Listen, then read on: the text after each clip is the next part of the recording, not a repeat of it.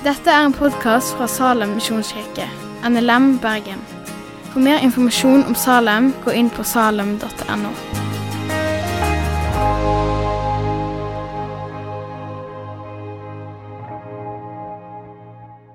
Vi er, skal snakke om 'følg meg'.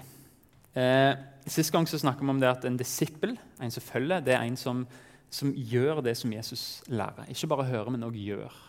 Og viktigheten av det. Og I dag så skal vi fortsette å legge litt grunnlaget før vi går videre liksom inn på de praktiske en etter en, de praktiske bitene av å følge Jesus. Vi skal legge litt grunnlag i dag for hvorfor skal vi bli ledet. Og det, det finnes så mange svar på det spørsmålet. Jeg har valgt én måte å gjøre det på.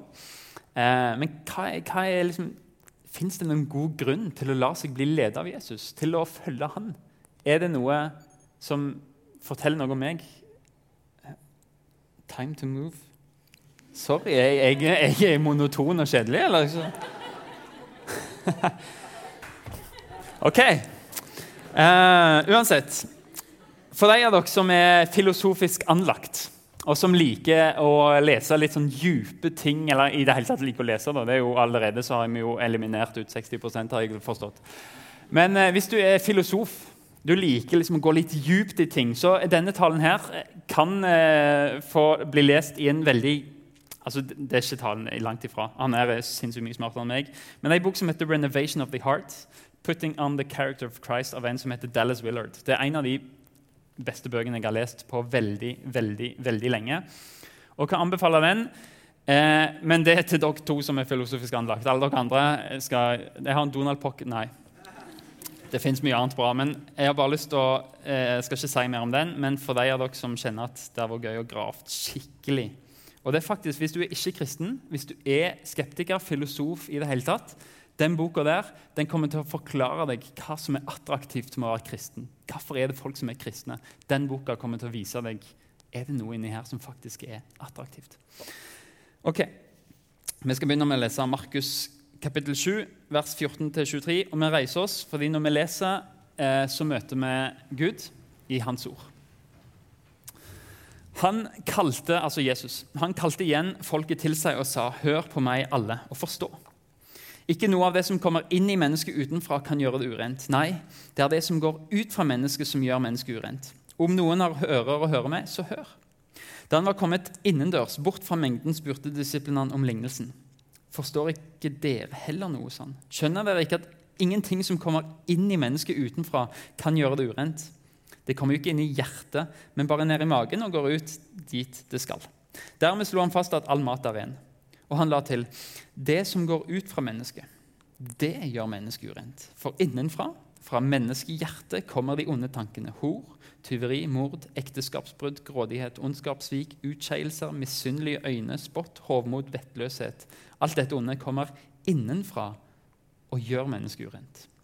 Herre Far, ditt ord er sannhet, og vi ber om at den sannheten kan få gi oss noe å gå på i dag, noe å tro på i dag, noe å leve på og noe å dø på, Herre Far. I ditt navn. Amen. Da kan dere få se det.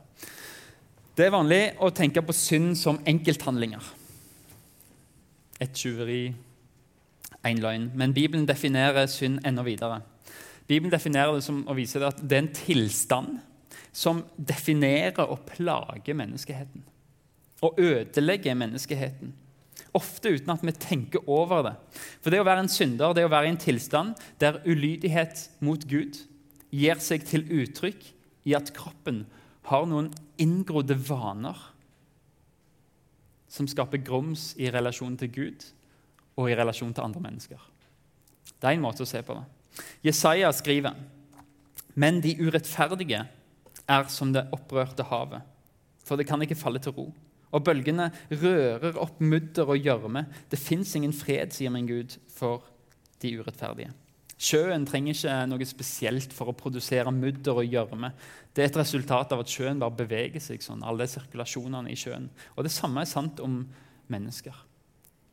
De naturlige bevegelsene våre, mønstre, tankene, vanene, automatikken i livet våre skaper mudder og gjørme i våre relasjoner, i vårt sjølbilde, i tankene, i ordene våre og i alle våre handlinger. Og Vi trenger ikke være kreative. Dette, dette, dette vet du. Du trenger ikke være kreativ for å være misunnelig. Du trenger ikke finne ut hvordan skal jeg være misunnelig. Du, du, det bare kommer innenfra. Du trenger ikke være kreativ for å baktale, for å være egoistisk og selvsentrert. Og ikke kreativ for å bruke en mulighet og for å bare se umiddelbart her har jeg en mulighet til å tjene, men jeg tråkker andre ned. Det er, vi trenger ikke det, være kreative. Det faller oss helt naturlig, og vi er fanga i et sånt mønster. Og Det vanlige tankegangen er å kjempe mot dette med ren viljestyrke og besluttsomhet. Bare, åh, jeg skal ta meg sammen.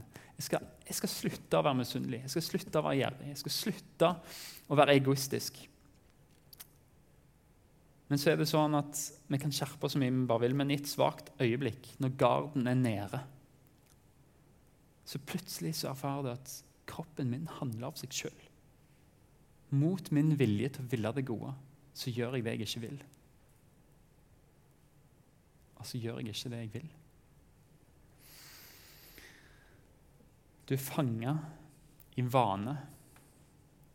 En vane av at kroppen har levd så lenge i en syndig verden at du har blitt påvirka av alt som skjer. At det handler om å berge seg sjøl, se bra ut. Det handler om seg sjøl hele tida. Eller så kan det godt tenkes at du faktisk greier å ta deg sammen lenge nok til at du blir stolt og hovmodig. Og så blir du rettferdig i dine egne øyne, og så ser du ikke at stoltheten og hovmodet bare sniker seg inn i bakhold og lurer deg i en annen felle. Vi planlegger ikke å være sånn. Vi planlegger ikke, planlegger ikke, å eksplodere i sinne når vi gjør det. Vi planlegger ikke å si noe vi ikke har tenkt igjennom, eller å smette inn i en avtale som var så fristende, selv om den var helt etisk i gråsonen. Men med oss mennesker så er det sånn at det vi er, det kommer ut. Jeg er ikke en egoist fordi jeg gjør egoistiske handlinger. Dette har jeg sagt mange ganger. Men jeg gjør egoistiske handlinger fordi dypere sett så er jeg en egoist.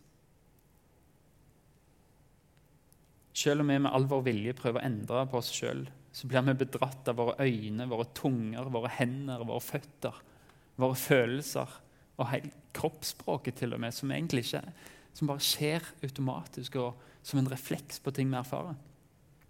Jesus sier, 'Ta et tre.' Enten er det godt, og da er frukten òg god. Eller så er det dårlig, og da er frukten òg dårlig. Treet kjennes på frukten. Det er som sier at et godt tre kan ikke bære dårlig frukt. Men hva er det som skjer i livet ditt som du ikke ønsker?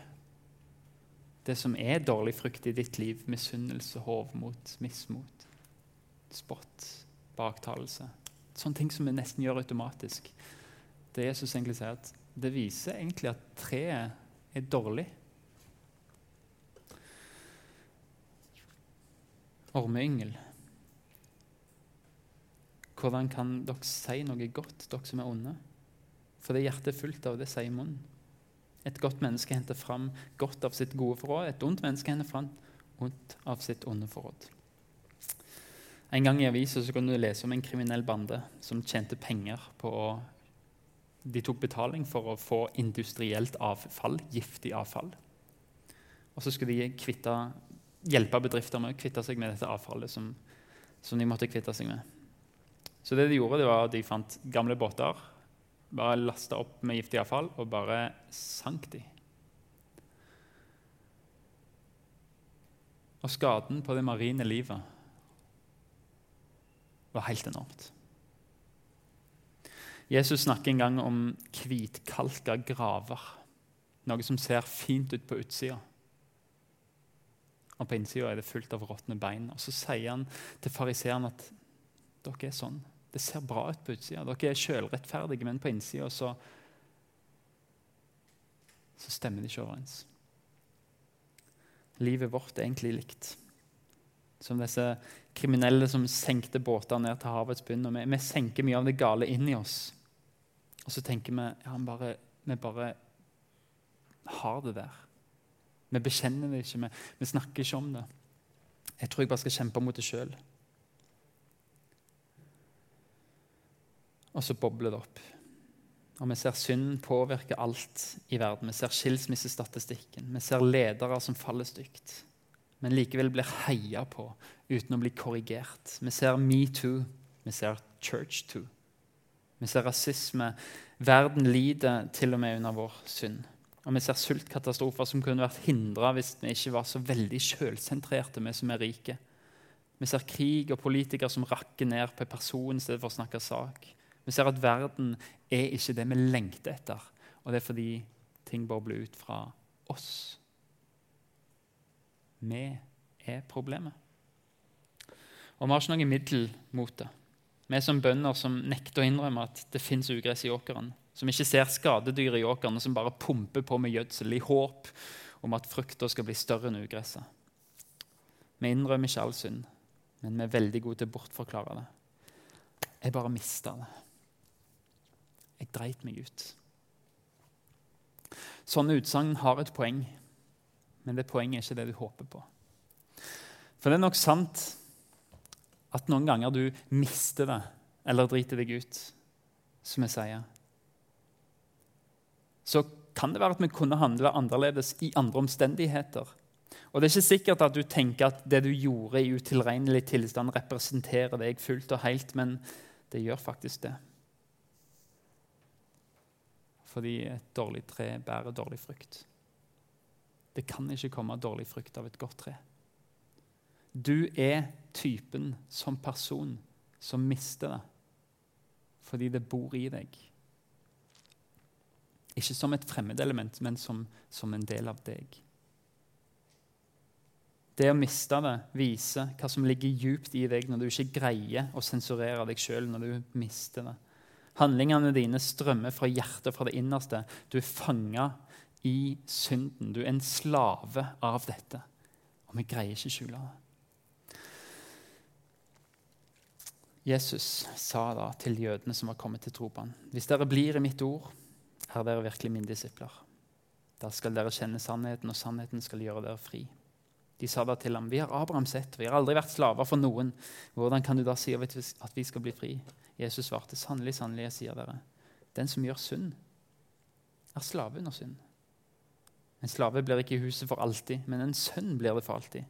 For Sønnen frigjort dere, da blir dere virkelig fri. Virkelig fri. Hva blir vi fri fra? Hva blir vi fri til? I Norge La meg få si én ting først. Det er mange som mener at det ideelle for alle mennesker er absolutt frihet. Det fins ikke. Absolutt frihet finnes ikke. Ikke la oss lure og si at frihet er det store. Det fins ikke absolutt frihet.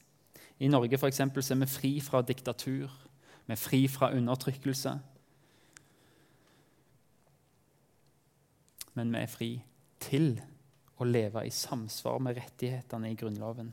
Vi kan bli ufri hvis vi handler på tvers av dem. Vi kan havne i fengsel om vi bryter dem. Og På samme måte er det med Guds bud. Vi er fri til å følge hans bud. Og Kanskje ser du på loven som en sånn forferdelig dårlig greie. Guds bud, Guds regler, noe sånt som bare negativt, som bare drar oss ned og som viser oss alt som er galt. Men, men faktisk så er loven er Guds vilje. Loven viser hvem Gud er. Det vil si, før Adam og Eva synda i Edens hage, de første menneskene som gjorde synd Før det så hadde Gud sagt dere skal bli mange. Dere skal legge jorda under dere, dere skal råde over jorda, forvalte jorda. Ta vare på skaperverket. Det er Guds bud, som var i verden før alt skar seg, før synden kom inn. For Guds vilje har alltid vært. Og den er god. Det var bra at vi fikk noe å gjøre på oppgaver, arbeid.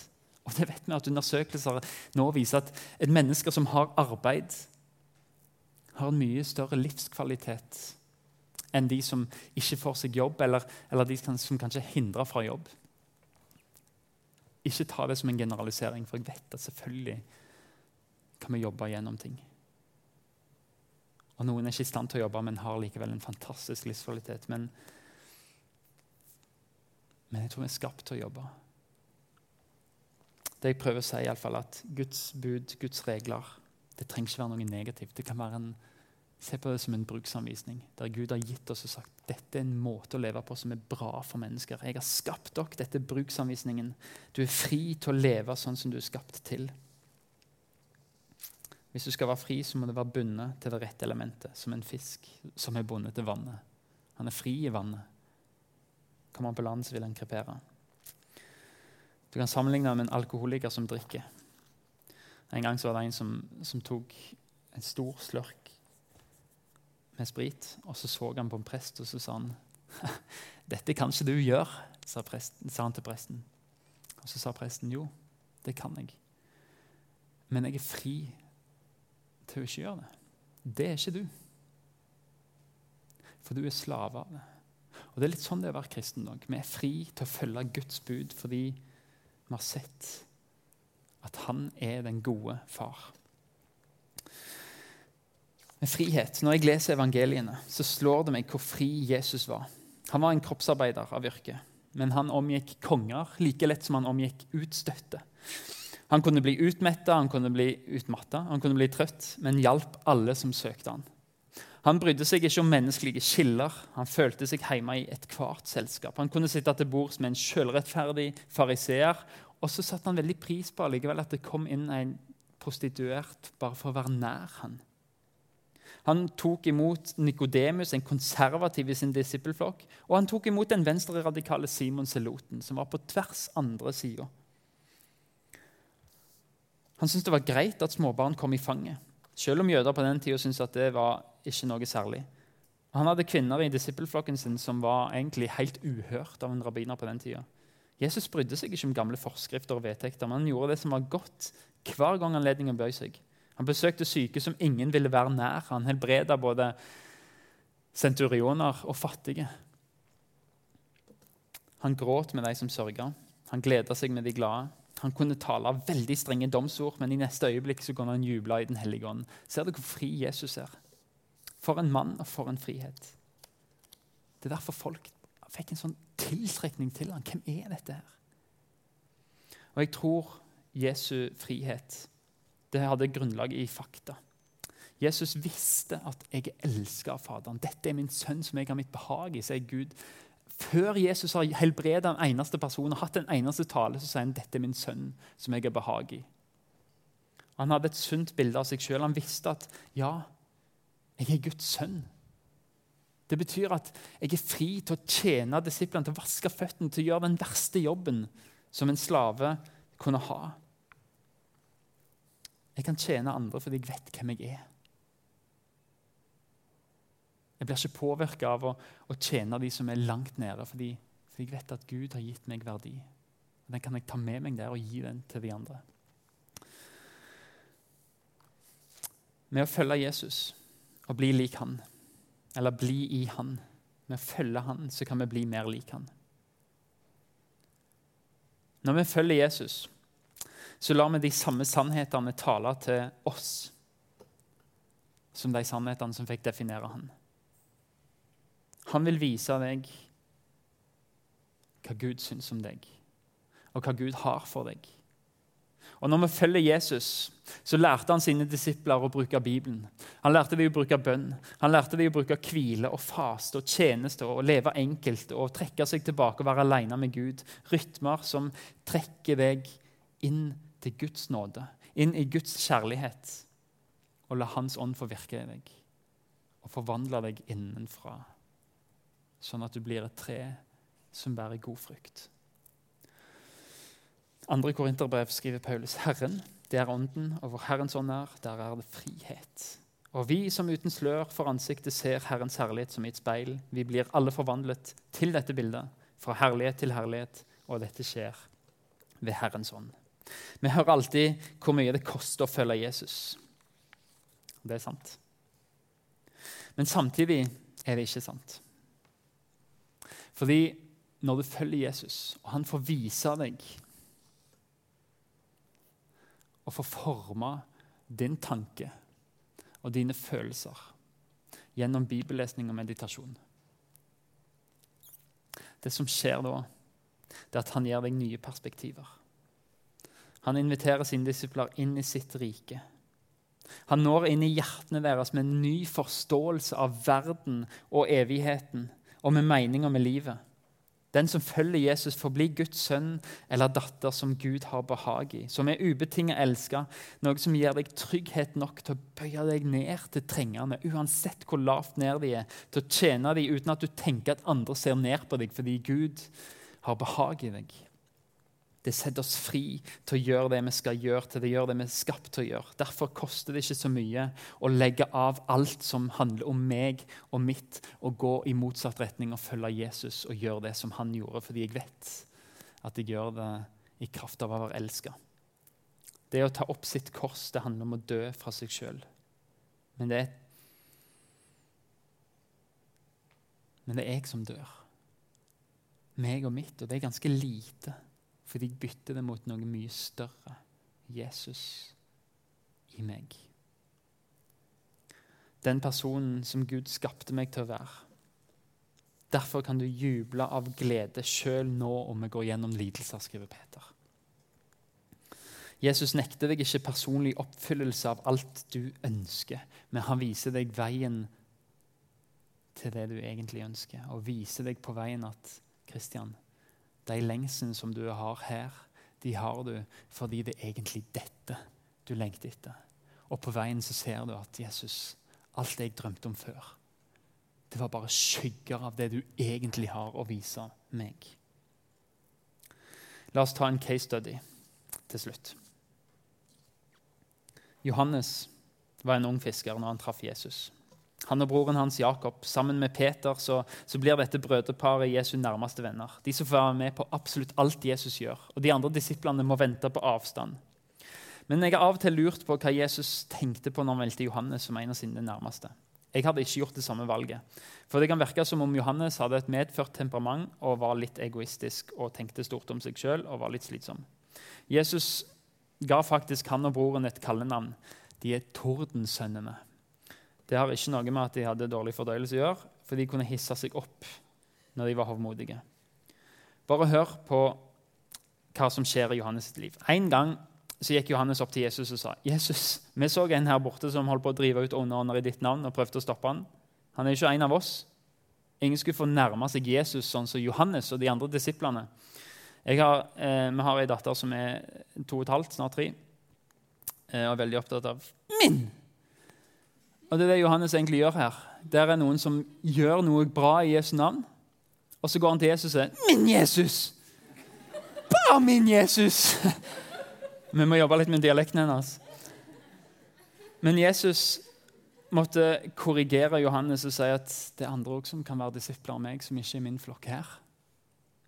En annen gang så kom Jesus og disiplene til en samaritansk landsby. og Her fikk de beskjed om at eh, dere er ikke velkomne her, dere er jøder.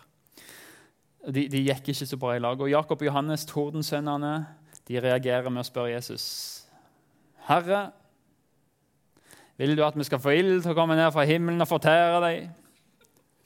For et brødrepar. Sympatiske. Eh? Men Jesus fikk roa dem ned, og han sa jeg er kommet for å frelse, ikke for å ødelegge. En gang så gikk Jakob og Johannes så langt at de spurte Jesus om de kunne få sitte på hver sin side av han i himmelen. De ville ha maktposisjoner. Det er ganske egoistisk. De ti andre disiplene, hva med deg? Hva med Abraham, Moses? Nei, det er oss. Jesus svarer og sier at hvis du vil lede, så må du tjene. Og du må slave, sånn, så, sånn som jeg. Sånn som jeg gir mitt liv for en løsepenge for mange. Men Johannes, uansett, sånn, vi blir kjent med han i starten, er egentlig en ganske arrogant og egoistisk og hovmodig ung kar. Og så er det kanskje det verste av Johannes vi har sett nå, men det er likevel nok til å lure på om Jesus egentlig gjorde det beste valget av bestevenner. Men Jesus er annerledes enn oss.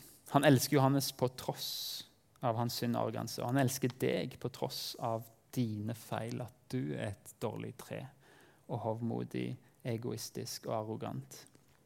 Jesus elsker deg som du er. Han elsker Johannes akkurat som han var, men han elsker deg så høyt at han nekter å la deg forbli det du er. For han vil at du skal bli det han har skapt deg til å være. Han ønsker å forandre deg til å bli mer lik seg sjøl. Og Sånn er det med Johannes. For, å være den tordensønnen som vi ser i starten, så ser vi Johannes mer og mer sakte, men sikkert gå med Jesus, følge Jesus, følge hans livsrytme. Og I dag så er ikke Johannes kalt for tordensønn lenger, men vi kaller han for kjærlighetens apostel. En varm og kjærlig veileder som gir oss milde forvarninger om å tro, om å elske hverandre, om å leve etter Guds bud. Og Forandringen til Johannes er så tydelig når du leser i Bibelen. Før så var han opptatt av å få en maktposisjon i Jesu rike. Og I apostelgjerningene så leser vi at han gleder seg over å bli piska og torturert fordi han forteller sannheten om at Jesus er det eneste navnet som kan frelse. Før så ville han brenne ned samaritanske landsbyer. Nå forteller Lukas i apostelgjerningene at Johannes gledelig reiser til Samaria og ber om at de som tar imot Jesus der, skal få Den hellige ånd, en helt annen flamme. Han ville brenne dem ned før, men nå tilber han dem evig liv gjennom Jesu hellige ånd. Hva skjedde, Johannes? Hvordan ble du så radikalt annerledes? Johannes brukte tid med Jesus dag og natt. Han snakka fortrolig med Jesus. Han lærte rytmen i et liv han ble skapt til. Når han så Jesus be, så spurte han Jesus, lær meg å be. Han gikk med Jesus, ble kjent med Jesus. Han fulgte rytmen, vokste i nåden. Han brukte bønn som Jesus brukte, han brukte Bibel som Jesus brukte. Han fasta som Jesus, han hvilte som Jesus. Han var i fellesskapet som Jesus var. Han tjente som Jesus. Og hva skjedde med Johannes? Han forsto jeg vil bli som Jesus. Og han fikk kraft fra Jesu ånd til å bli sånn.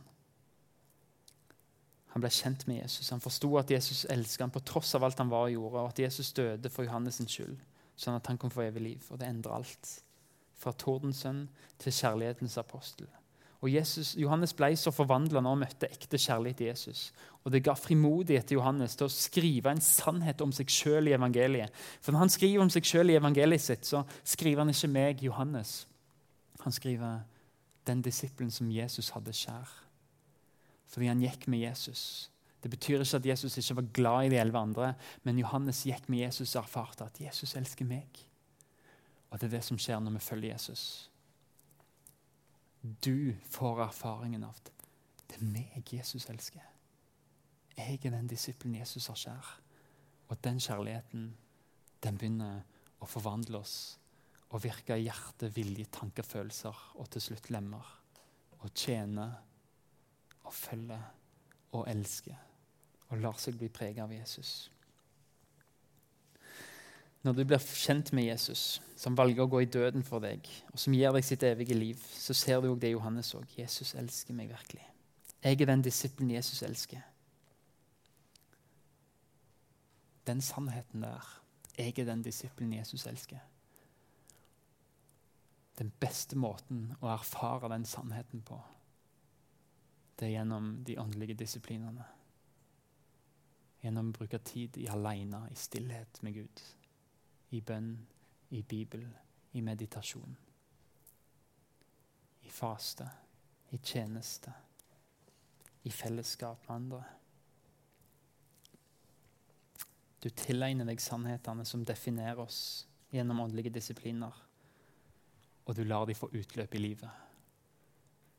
Hvordan det praktisk ser ut, er målet å fortelle dere og dra dere med inn i i høst.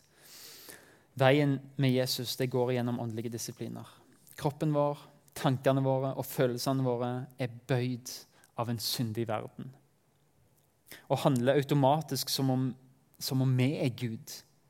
Våre tankevaner, våre følelser, vår vilje preger av det men for å trene oss på å korrigere tankene, sånn at de stemmer overens med Bibelen. På å korrigere følelser, sånn at de stemmer overens med hva vi tror. For å korrigere vår vilje til å være mer lik Guds vilje. For å trene oss på det, så har Gud gitt oss praktiske disipliner i Bibelen som vi beskriver. Og der vi setter oss ned og tillater Den hellige ånd til å jobbe med oss.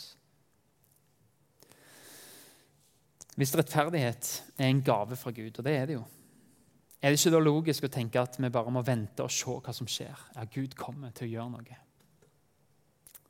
Rart nok så er svaret nei. For det er noe vi kan gjøre, og vi er kalt og invitert til å gjøre. Gud har gitt oss en bibel. Gud har gitt oss bønnens rett. Han har gitt oss en relasjon med en hellig ånd med seg sjøl, som vi skal få lov til å bruke til å gå inn i. Han har gitt oss disipliner for det åndelige livet, som arenaer der vi kan ta imot Hans nåde.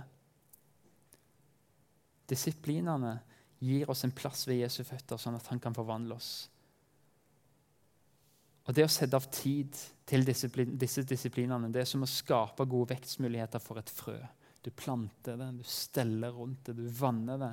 Men det er Gud som gir vekst. Du kan ikke gjøre noe for at frø skal vokse. Men det er det som er de åndelige disiplinene.